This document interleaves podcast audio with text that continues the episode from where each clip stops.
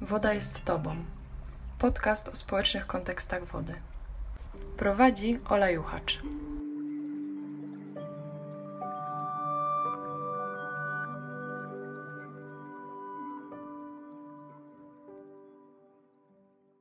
Tym razem porozmawiamy o hydrosztuce i wprowadzi nas w ten odcinek fragment książki Astridy Neymanis, która ukuła pojęcie hydrofeminizmu.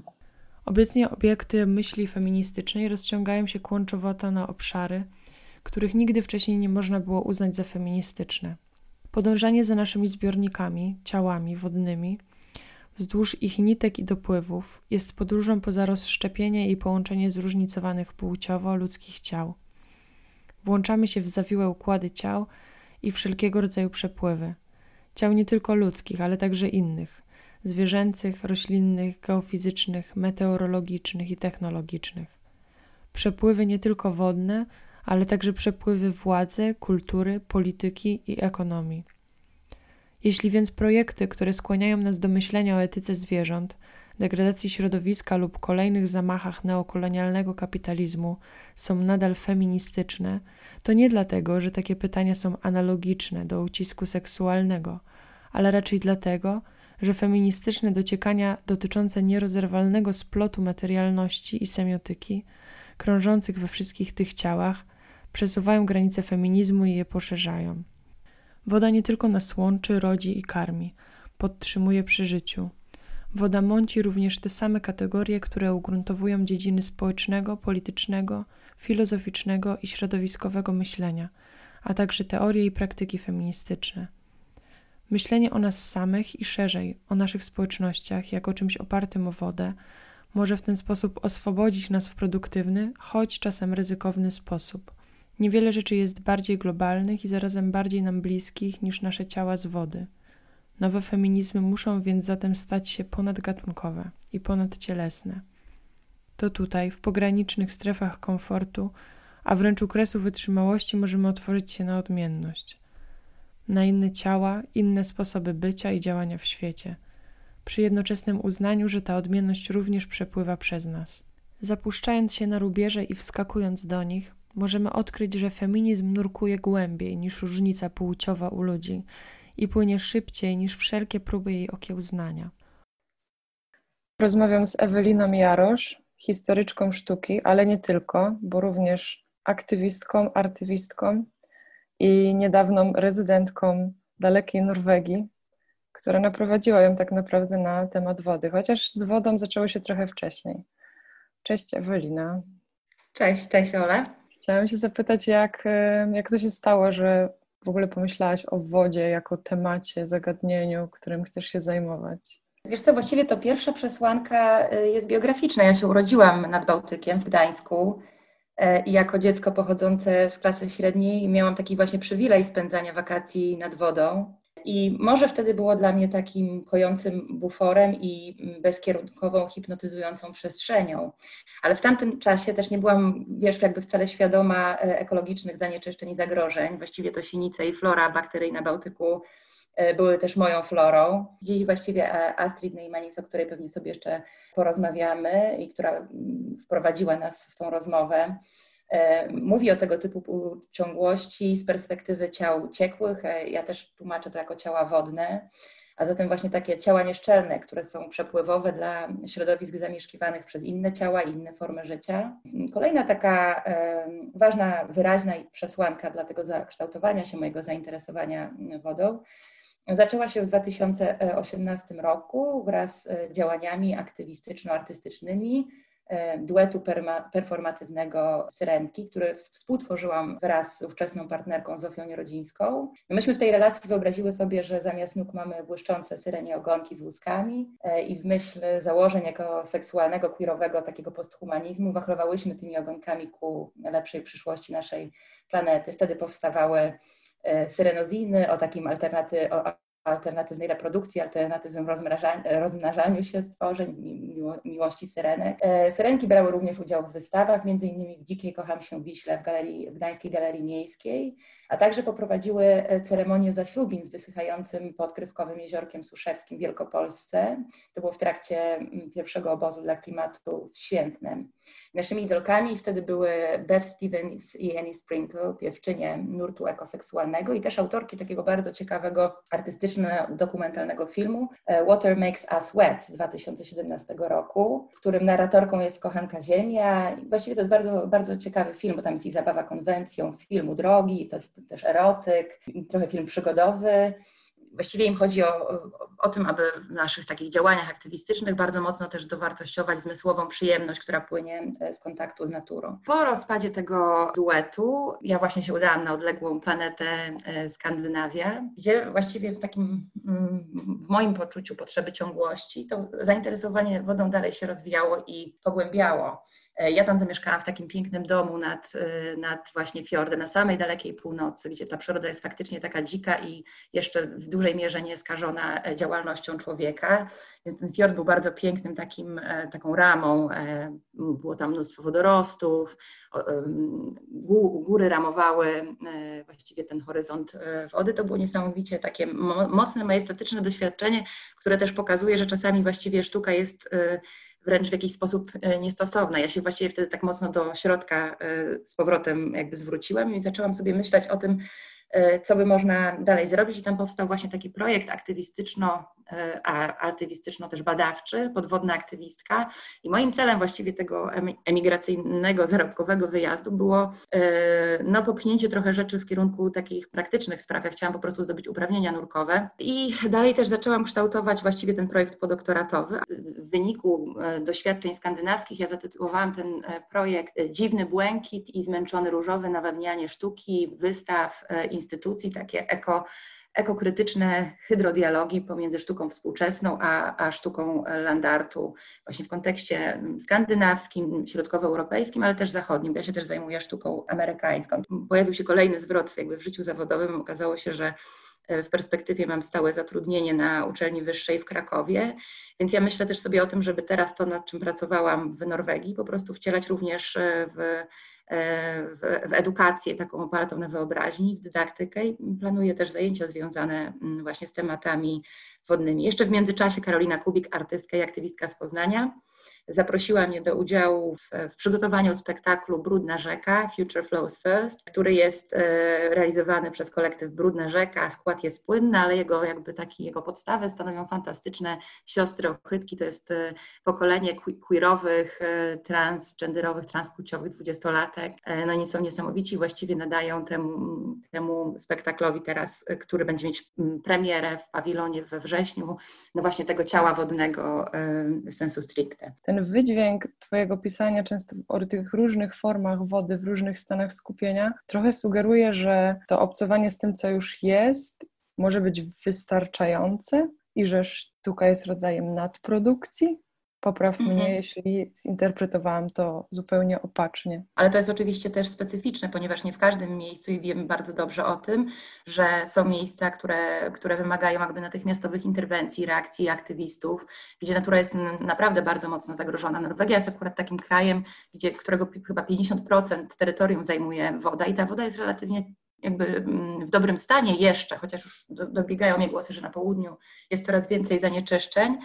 Właściwie z powodu, o którym Ty mówisz, y, ja postanowiłam jakby już nie, nie drążyć też aż tak bardzo tych wątków związanych właśnie ze sztuką, tylko zdobyć te konkretne, praktyczne umiejętności, które pozwoliły mi na przykład uczestniczyć w programach konserwacji podwodnych form, e, form życia. Czy myślisz, że to jest powszechne podejście? Na ile te nasze przemyślenia łączące kwestie estetyczne i społeczne są powszechne i na ile to jest taki zwrot wręcz cywilizacyjny w naszej kulturze, a na ile to jest bańka, w której my się tym interesujemy i wydaje nam się, że wszyscy tym żyją, bo mhm. cały czas o tym rozmawiamy i cały czas o tym myślimy. E, wiesz co, ja, jak sobie tak o, o tym myślę, to, to, to jest niezwykle ważne, to jest jakby budowanie oddolnej świadomości, to takiej świadomości właśnie relacyjnej od samego początku, bo ja też nie chciałabym zrezygnować z badania sztuki, tak? Ja jestem historyczką sztuki, jakby to jest też mój zawód, natomiast chciałabym znaleźć dla tej sztuki inne miejsce i inne proporcje, e, jakby w całokształcie, to jest jakby też ta perspektywa planetarna, która coraz większym stopniu, no, przynajmniej to nasze środowisko coraz bardziej interesuje. Ale teraz, jeżeli na przykład wrócimy jeszcze do tej Astridy Neymanis, która jest y, autorką teorii hydrofeministycznej, to ona y, właściwie proponuje coś niezwykle ciekawego, co może być w jakimś sensie kluczem, jakąś podpowiedzią do tego, o czym teraz rozmawiamy, o tego, na ile to właściwie przenika do szerszej świadomości ona jakby proponuje jakby odejście od y, takiej tradycyjnej koncepcji zachodniego podmiotu, który był podmiotem autonomicznym, ale również takim zamkniętym cieleśnie. Z kolei ona definiuje podmiot, ciało ciekłe, ciało wodne, jako podmiot otwarty, relacyjny i właśnie związany z tym, że musimy sobie zdać sprawę z tego, że tak, w dwóch trzecich składamy się z wody, że jesteśmy przepływowi, że pocimy się, że menstruujemy, że ta jakby mm, relacyjność jest właśnie na takim poziomie materialnym, ona się odbywa. To ma nam według niej też e, umożliwić lepsze jakby zidentyfikowanie się z problemami, które nas dotykają, z problemami związanymi ze zmianami klimatycznymi e, i też ze zrozumieniem tego, że właściwie 90% katastrof ekologicznych ma związek z wodą. Że właściwie ta woda jest takim E, systemem wspierającym życie na całej e, planecie. I jeżeli my na przykład od tej strony sobie zdamy sprawę, jak ważne to jest, to my też jakby inaczej zaczniemy używać tej sztuki, bardziej jako, jako narzędzia, a nie celu samego w sobie. I co jest też w tym niezwykle ważne, bo jeżeli myśląc tak trochę dychotomicznie, to to taka tradycyjna sztuka pokazywana w galeriach, no ona się cały czas w dużej mierze opiera na takiej estetycznej e, e, prezentacji, e, ale też jest powiązana jakby z, z rynkiem, z komercjalizacją. Natomiast jeżeli stawiamy sobie tutaj jako priorytet wodę, ale wodę nierozumianą właśnie jako coś estetycznego, skomercjalizowanego, tylko jako dobro wspólne, to my się też jakby lepiej możemy z tym wszystkim zidentyfikować. Na ile jakby to dociera do, do szerszej yy, świadomości, mi jest jakby trudno na ten temat powiedzieć, natomiast jakby ja czuję w tym swoją misję i jakby z tym się identyfikuję i chciałabym właśnie takim też myśleniem zarażać. Poza tym wydaje mi się, że tu jest dużo większe pole też e, takiego doświadczenia sztuki, uczestnictwa właściwie w całokształcie procesów, które się z nami dzieją, bo co innego być, nie wiem, w galerii, oglądać film na słuchawkach, wideo, tak, czy patrzeć na obraz. Ja też tego nie przekreślam zupełnie, pewnie zaraz sobie też o tym porozmawiamy, ale co innego brać udział w akcji hepenerskiej, tak na przykład jak robi Cecylia Mali, która jest no, wspaniałą artywistką, którą fascynuje z jednej strony taka realność y, y, polityczna, E, a z drugiej strony też e, folklor i, i relacyjność i siostrzeństwo. I ona właściwie potrafi zaangażować bardzo dużo osób w te swoje e, akcje. Obecnie też współdziała z kolektywem Masa Rzeczna, który tworzy takie fantastyczne łodzie naukowe, łodzie, łodzie w kształcie ryb i one bardzo mocno przyciągają uwagę. Także tutaj ten z kolei performance jest używany jako takie a, a narzędzie przyciągania publicznej uwagi. Wydaje mi się, że to może być dużo ciekawsze i dużo bardziej atrakcyjne E, no, niż ta, ta taka właśnie tradycyjna forma sztuki wydzielonej w galeriach, dostępnej w określonych godzinach. Bo zastanawia mnie też to, dlaczego Najmanis tak naprawdę, jak ty to widzisz, używa mm. feminizmów e, i dlaczego tam jest ten feminizm połączony z hydro? Mm, właśnie Neymanis również chodzi o to, żeby zbudować e, szerszą jakby perspektywę identyfikacji osób z rozmaitego typu doświadczeniami, ale też wyjść poza politykę taką związaną z tożsamością seksualną, płciową, genderową, tak, taką chciałaby budować te sojusze mm, szerzej, również wychodząc poza osoby ludzkie, co jest bardzo ciekawe. I stąd jej drogą, jakby mm, jej punktem wyjścia są teorie między innymi, bo ona ma kilka źródeł i to jest właściwie też związane z materią wody, którą pracuje, że tu nie ma linearyzmu, tak, tylko jest wielokierunkowość. I to jest bardzo ciekawe, jak ta woda nam pomaga też myśleć i zmieniać nasze myślenie, upłynniać je. I jednym ze źródeł jest właśnie, są teorie feministyczne lat 80., 70. i 80., Lucy Rigaret i e, Helen Sixu, które one są dla niej bardzo cenne, ale jednak stwierdza, że są mocno esencjalizujące i mocno też e, heteronormatywne. Jej się to nie podoba, dla, dlatego że no, widzi, jak bardzo dzisiaj jesteśmy różni, jak bardzo chcemy i lubimy też manifestować tę, tę odmienność, jak bardzo potrzebna jest ta świadomość różnic. Więc ona jakby z jednej strony otwiera to na e, obszar właśnie queeru, e, a z drugiej strony na obszar istot pozaludzkich, co jest bardzo ciekawe. I żeby to zrobić, to ona musi pokazać, że najpierw tak, mm, na przykład Irigaray miała taką koncepcję chory, to było takie miejsce, jakiejś takiej przededypalnej jedności z matką, ale to już znowu było takie myślenie w kategoriach właśnie też bardzo heteronormatywno-reprodukcyjnych, że to matka rodzi, że to jest właściwie jej główna funkcja, e, a jej chodzi o to, o to, żeby pokazać, że e, formy reprodukcji, jeżeli włączamy w to myślenie wodą, tak, mogą być o wiele bardziej ciekawe i o wiele bardziej też odpowiadające temu, w jaki sposób e, właśnie osoby queerowe e, się e, identyfikują. I zobaczyłam sobie, że właściwie cała teoria queer już od, od milionów lat ona istnieje pod wodą, pod powierzchnią wody. Jeżeli zaczynamy się przyglądać, jak rozmaite gatunki tworzeń wodnych się rozmnażają, no to zobaczymy, że właściwie tam już wszystko mamy. Na przykład u płazieńców wodnych mamy chociażby właśnie inseminację. To są właśnie w większości hermafrodyci. No i wyobraź sobie, że na przykład jest tak, że taki płaziniec wodny, e, kiedy nie znajduje wokół partnerki, to on sam siebie kuje w głowę penisem w kształcie igły, po to, wszystko po to, żeby zajść w ciążę. Czyli jakby ta funkcja reprodukcyjna jest tutaj e, w ten sposób e, przedstawiona. Oni, oni mają po prostu organy zarówno płciowe męskie, jak i żeńskie. Na przykład błazenek, ryba, tak? I to jest z kolei sekwencyjna hermafrodyta, to znaczy, że on zaczyna e, od bycia samcem, ale potem staje się wyżej cenioną w, jego, w hierarchii jego gatunku samicą. Czyli mamy też tutaj od razu otwarcie na kwestie związane z adaptacją, bo tam jeżeli brakuje właśnie samicy w stadzie, to wówczas właśnie najbardziej wydajny samiec właśnie zmienia, się, zmienia, e, zmienia swoją e, e, płeć.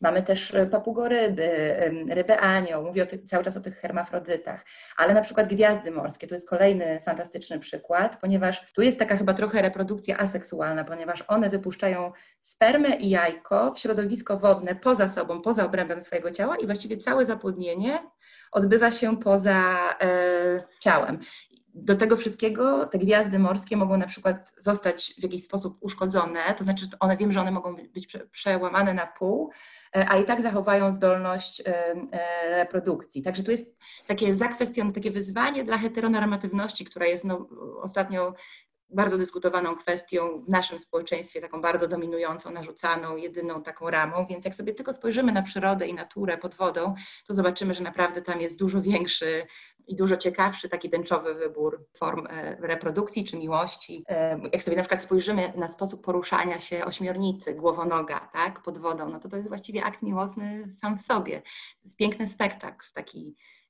miłosny, bym powiedziała, performance. Mhm. To jest ciekawe, bo często przyroda i stworzenia inne niż ludzkie są przywoływane jako argument E, na nienaturalność związków nieheteronormatywnych, więc w kontekście tej mnogości form realizowania e, się seksualnie to jest faktycznie no po prostu mm. argument od razu do obalenia. Też sobie pomyślałam tak. o łazenku, bo to jest przecież rybka Nemo i w kontekście tak.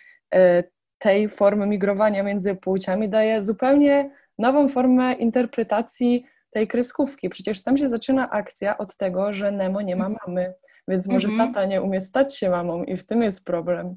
Mm -hmm, No właśnie, więc jakby to też w gruncie rzeczy pokazuje no cały czas też, y, jak bardzo ludzie bywają ignorantami w kwestii wiedzy przyrodniczej i bardzo biurczo powołują się na kwestię związaną z naturą, tak naprawdę na, na tą biblijną interpretację natury, bym powiedziała. w której w hierarchii wyżej jest człowiek, najwyżej jest człowiek. Może wracając jeszcze trochę do tej twojej głównej działki i sztuki, gdzie w ogóle zaczęło się takie obserwowanie tej e, wody w sztuce? Czy to była stara sztuka, czy to były nowsze rzeczy? To może Twoje najciekawsze obserwacje z mhm. tego. Wiesz co, ja mogę e, spróbować jakby zarysować jakby trakty, w których przebiega teraz moje myślenie, ponieważ jakby woda była reprezentowana w sztuce od bardzo, bardzo dawna. Tylko ciekawe jest to, e, że my na, na te reprezentacje możemy też dzisiaj spoglądać innym okiem i z perspektyw, które nas e, interesują. wiesz, jakby mnie osobiście najbardziej interesuje taka sztuka, jeżeli chodzi o sztukę współczesną związaną z tą tematyką wody, która no, wnosi takie perspektywy właśnie i feministyczne, i antropologiczne, i, i kulturoznawcze, ale też dekolonizujące. I tutaj chciałabym się powołać właśnie na przykład artystki urodzonej w Londynie, ale artystki kolumbijskiej, Karoliny Caicedo, która, bo też jest bardzo ciekawa taka zmiana, która się pojawiła, to jest jakby długofalowość projektów też. I on, to mnie też bardzo interesuje, ponieważ to jest cecha, która jest niezwykle potrzebna do tego, aby projekty artystyczne związane z aktywizmem i artywizmem były skuteczne. To znaczy to nie może być tylko takie projektowe, szarpane zainteresowanie, tylko musi być faktycznie ta długofalowa troska i, i odpowiedzialność za, za sprawy, którymi się zaczynamy interesować. I ona właściwie od 2012 roku realizuje taki bardzo ciekawy e, projekt Be Damned. Można sobie to od razu e, jakby słuchowo skojarzyć bądź potępiony, ale to chodzi o to bądź utamio, nie wiem, utamowany. Nie wiem, to trudno właściwie przetłumaczyć e, tak, w taki bezpośredni sposób, ale projekt jest bardzo ciekawy, ponieważ on jest taki projektem intersekcjonalnym i on dotyczy negatywnego wpływu tam budowanych na rzekach na, na ekosystemy. I to jest właśnie taki projekt, w którym ona bardzo intensywnie angażuje rdzenną ludność zamieszkującą rzeki południowej Ameryki między innymi i, i, i jakby te ciała, które są angażowane, to są ciała jakby społeczne, tak? które nagle się ciają, stają właśnie ciałami wodnymi, ciałami politycznymi, tak? czyli takimi, które mm, stają się narzędziami sprzeciwu czy właśnie obywatelskiego nieposłuszeństwa no, przeciwko iluzjom e, modernizacji, jaki, jaki, e, jaki kosztom, właśnie ogromnym kosztom społecznym, e, takich właśnie hydrotechnicznych udoskonaleń, jakimi są tamy, kosztom w postaci masowych wysiedleń. I ona właściwie też posługuje się takim terminem geolokalizacji, geochoreografii i geolokalizacji. To ma określać jakby taką ucieleśnioną świadomość własnego zlokalizowania, która ma pozwalać radzić sobie właśnie z zagrożeniem związanym z z fizyczną i psychiczną relokacją, powodowaniem, powodowaną budowaniem e, właśnie tam. Czyli to jest takie badanie form oporu rdzennej ludności Ameryki Południowej, w tym zaangażowaniu właśnie w ochronę e, ekosystemów e, wodnych. I to jest bardzo ciekawe, ponieważ jeszcze niedawno obejrzałam sobie taki film, przygotowując się też jakby do naszej rozmowy, Rodan Odradzanie rzeki. To jest taki francuski dokument, on był pokazywany na planet E, on powstał w 2014 roku i wszystko fajnie. Oni chcą jakby pokazać jakby renaturyzację Rodanu, to znaczy, że mm, najpierw e, rzeka została kompletnie e, uprzemysłowiona, zabetonowana, miała służyć po prostu żegludze handlowej, transportowi, a potem jakby zorientowano się, że jak ogromne ryzyko niesie ze sobą takie ujarzmienie rzeki, która się ostatecznie nie daje ujarznić i zaczęto proces odwrotny, czyli właśnie renaturyzacji, ale film ten pokazuje, że właściwie ta, ta, ta rzeka Rodan jest dla twórców tego procesu właściwie cały czas takim trochę jakby dziełem sztuki, zabytkiem, wyzwaniem technologicznym, a nie tak jak w przypadku właśnie projektów Karoliny Caicedo, taką żyłą wodną, która łączy ze sobą różne osoby ludzkie i nieludzkie i ma nam właśnie ucieleśniać tą świadomość bioróżnorodności. Takie, takie porównanie myślę, że jest chyba dosyć, e, dosyć ciekawe. No jest tu ten kontrast z takiej stereotypowo rozumianej, nie wiem, z perspektywy filozoficznej męskości i kobiecości, tak bym to bardzo uprościła, gdzie jest namysł i ujarzmienie przez pryzmat tego umysłu, tego, co się dzieje z przyrodą, i z drugiej strony chęć włączenia się w, tak mi się to dzieli w kontekście tych dwóch realizacji.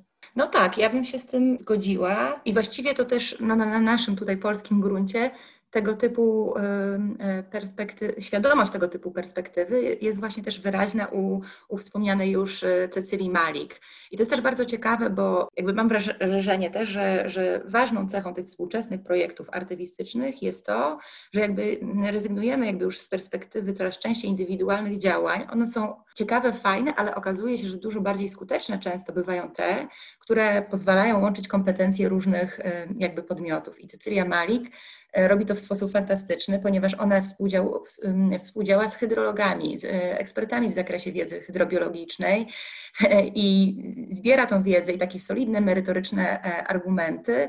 A jeszcze jakbyś mogła może uszczegółowić właśnie trochę działania Cecylii Malik?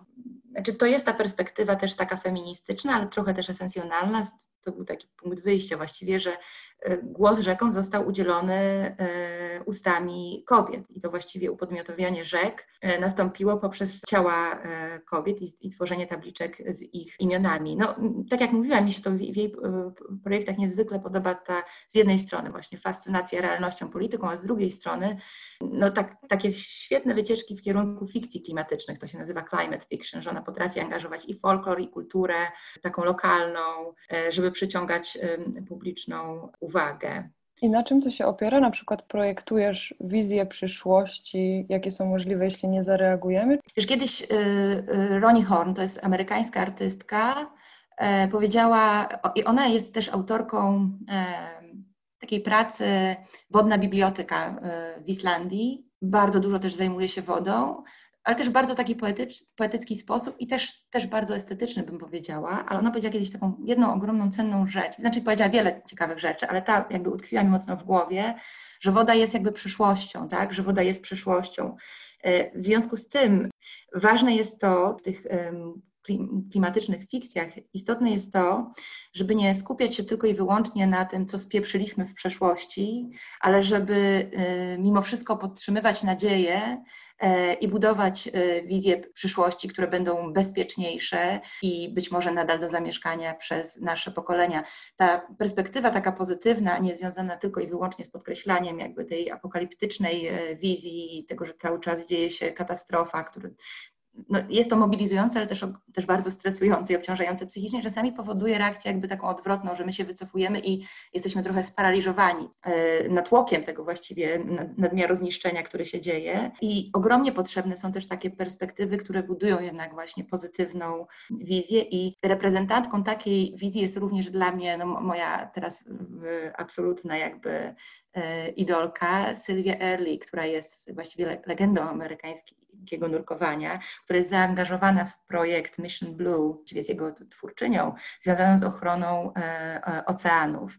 E, I jak oglądam sobie jej wystąpienia, to podziwiam po prostu jakby kulturę przekazu informacji i takiej, takiego szacunku dla odbiorców, budowanego na tym, że właściwie od nich cały czas bardzo wiele zależy.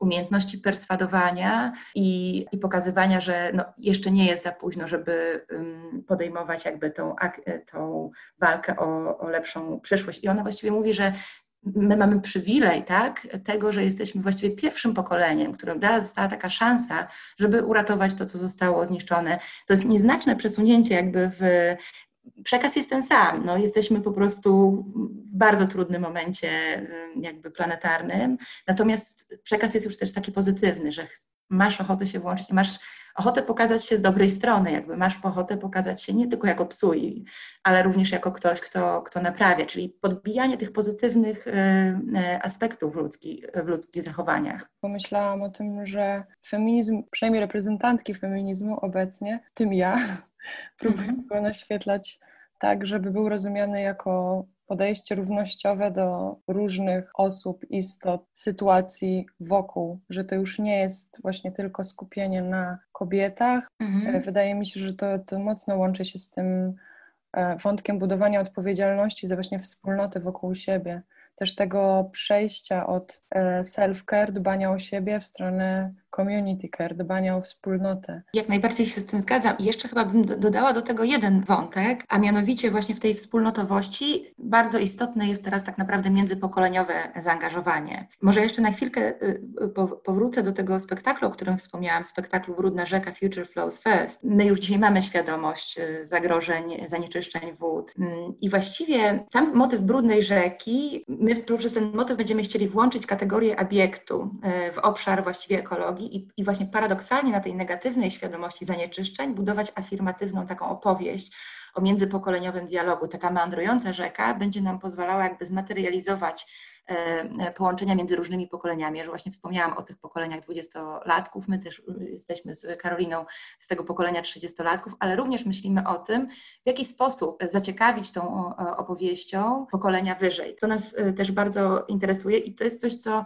tutaj trzeba cały czas podkreślać, wdzięczność w stosunku do, do tego młodszego pokolenia i właśnie Grety Thunberg, która właściwie to takie zaangażowanie młodzieży, młodzieżowego strajku klimatycznego ogromnie zmotywowała i też właśnie zmotywowała do takiego myślenia w kategoriach międzypokoleniowych sojuszy, chociażby przez to, że jak bardzo ona podkreśla, że politycy spieprzyli po prostu młodość jej pokoleniu, więc... A jak to wygląda w Skandynawii? Czy tam się zajmowałaś sztuką skandynawską? Mhm. Miejscu, w którym byłam, nie było sztuki. I najcenniejszym doświadczeniem, e, które stamtąd przywiozłam, było właśnie to poczucie, że ona nie jest jakby nam konieczna i niezbędna.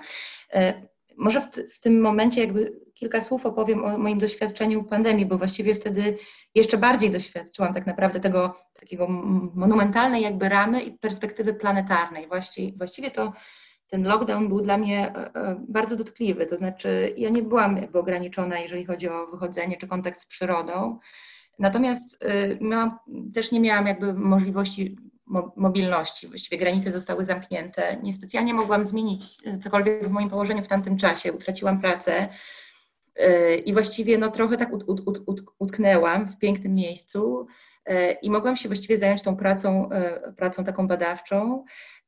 Natomiast wtedy zobaczyłam że trochę jakby świat z, z zaszklanego tak jakby akwarium. Przyglądałam się spektaklowi odradzania się przyrody, kiedy właściwie wszystko zostało wyciszone, aktywność ludzka, samoloty przestały latać, tak, wszyscy to widzieliśmy, pojawiały się też jakieś sensacyjne wiadomości o powrocie gatunków sprzed tysięcy lat, które nagle gdzieś tam się pojawiły.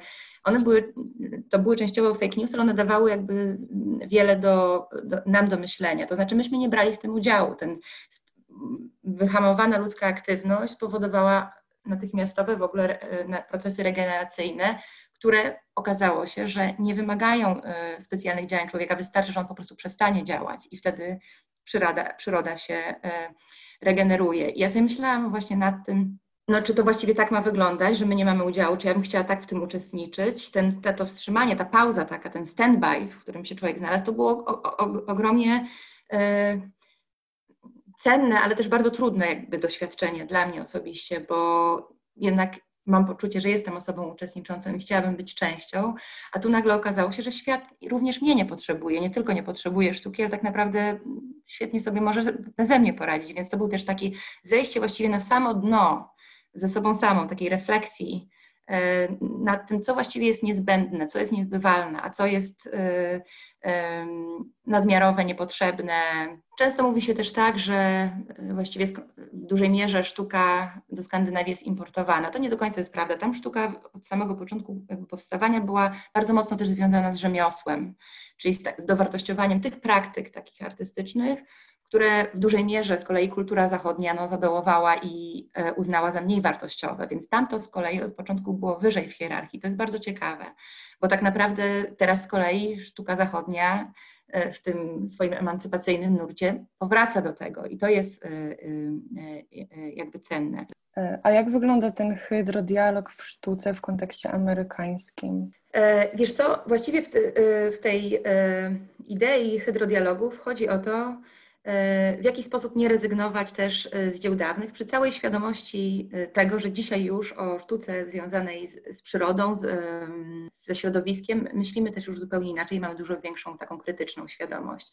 I tutaj jakby dla mnie punktem wyjścia była praca, która jest jakby zupełnie ikoniczną pracą. Najbardziej rozpoznawalnym na świecie dziełem sztuki landartowej mam na myśli Spiral Jetty Roberta Smithsona, która właściwie przez bardzo wielu aktywistów, aktywist, artywistek, tak, może być uznawana za taką skamielinę, ponieważ wiąże się z, z negatywnym dziedzictwem modernizmu, związanym z eksponowaniem właśnie tego męskiego ja i przedłużeniem tak naprawdę działalności tego, tego męskiego podmiotu właśnie w przyrodę, ponieważ on tam wtedy wjechał koparkami, naturalna jakby geosfera sfera została naruszona. Był, była też w tym taka brutalność i agresja, która, która została mocno skrytykowana. Z drugiej strony, właściwie obecna forma tej pracy, która znajduje się na Wielkim Jeziorze Słonym w stanie Utah, w Salt Lake City, jest całkowicie właściwie podyktowana warunkami, które związane są ze środowiskiem wodnym, w jakim ta praca się znajduje, czyli z działaniem słonej wody, właśnie jeziora e, słonego. E, I moje zainteresowanie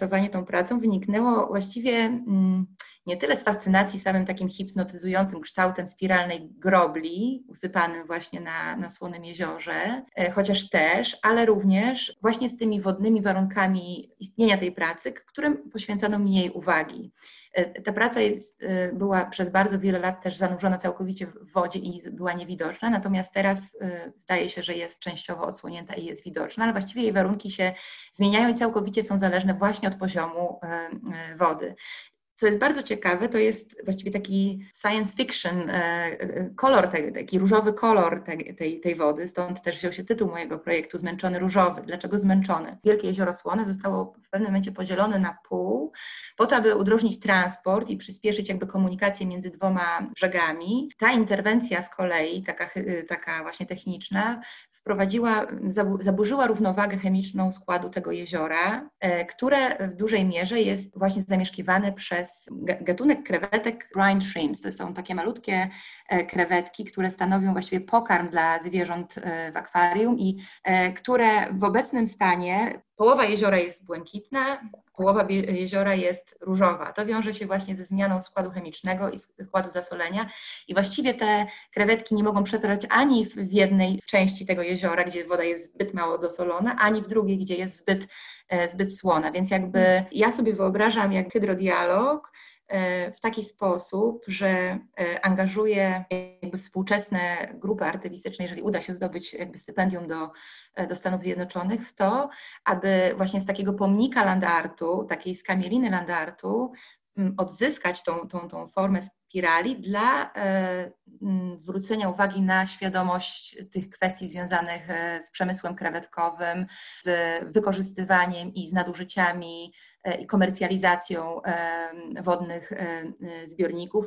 I wymyśliłam właśnie sobie taki projekt antypomnikat, który jest właściwie zadłużony w koncepcjach samego Roberta Smithsona, autora e, pracy, o której rozmawiamy. On mówił o entropii, a także antypomnikach, czyli jakby wpisanym w ogóle w, we wszystkie formy, również w formę sztuki, niszczeniu się i odradzaniu się też w innych postaciach. W związku z czym ja sobie wyobraziłam takie przeobrażenie pracy Roberta Smithsona z takiej skamieliny w nowomaterialistyczne E, dzieło partycypacyjne. A propos prac bo tam też się odnosisz mhm. mocno do tego, do tego jak nie, nie anulować dzieł sztuki, które już znamy i jakoś osadziły się w naszej mentalnej przestrzeni. Mhm. No to był jakby kolejny taki moment y, intensywny w tym moim mm, doświadczeniu pandemicznego zamknięcia, jednocześnie zanurzenia w bezmiarze, w bezmiarze przyrody. Wiesz, jakby ja się zajmowałam przez wiele lat Rodką, bardzo nie lubiąc jego, jego sztuki, to znaczy ja byłam też mocno ukształtowana przez y, feministyczny dyskurs krytyczny, E, I e, właściwie to najbardziej w gruncie rzeczy mierziło mnie to, co się stało ze sztuką Rodki, czyli takie kompletne wykupienie przez, przez rynek. W tym momencie no, Rodko jest jednym z najdroższych malarzy świata. No i po prostu męczyło mnie to niezmiernie, że idee, które on miał na początku, one były społeczne i lewicowe właściwie chciał jak najszerszej publiczności udostępnić to, co on sam przeżywał, a przeżywał, jak to w tamtym czasie powojennym, głębokie dramaty. Ja tych dramatów, y, pracując nad moją pracą doktorską o sztuce amerykańskiej, takich jak on w tamtym momencie nie przeżywałam i nie miałam tego typu świadomości. Miałam zupełnie inną świadomość, świadomość ukształtowaną właśnie przez, y, przez, przez feminizm, który zwrócił mnie w tamtym czasie w stronę dowartościowania rozmaitego typu reprodukcji rodki, czyli takich rzeczy też właśnie mniej wartościowych. Y, przy takim właśnie zmierzeniu się z samą koncepcją oryginału, to znaczy ja przyjrzałam się tym obrazom i zobaczyłam, że właściwie halo, to co on tak mówił o tym, że jego obrazy są oryginalne, niepowtarzalne, że każdy generuje jakieś wyjątkowe e, doświadczenie, ale jak się przyjrzymy tym obrazom, właściwie to powtórzenie pewnego schematu jest wpisane w ten, w ten malarski e, idiom. A z kolei doświadczenie skandynawskie przyniosło mi kompletny zwrot, no właśnie w jakiejś percepcji tego. E, tych jego prac związane z moją fascynacją e, błękitnym posthumanizmem.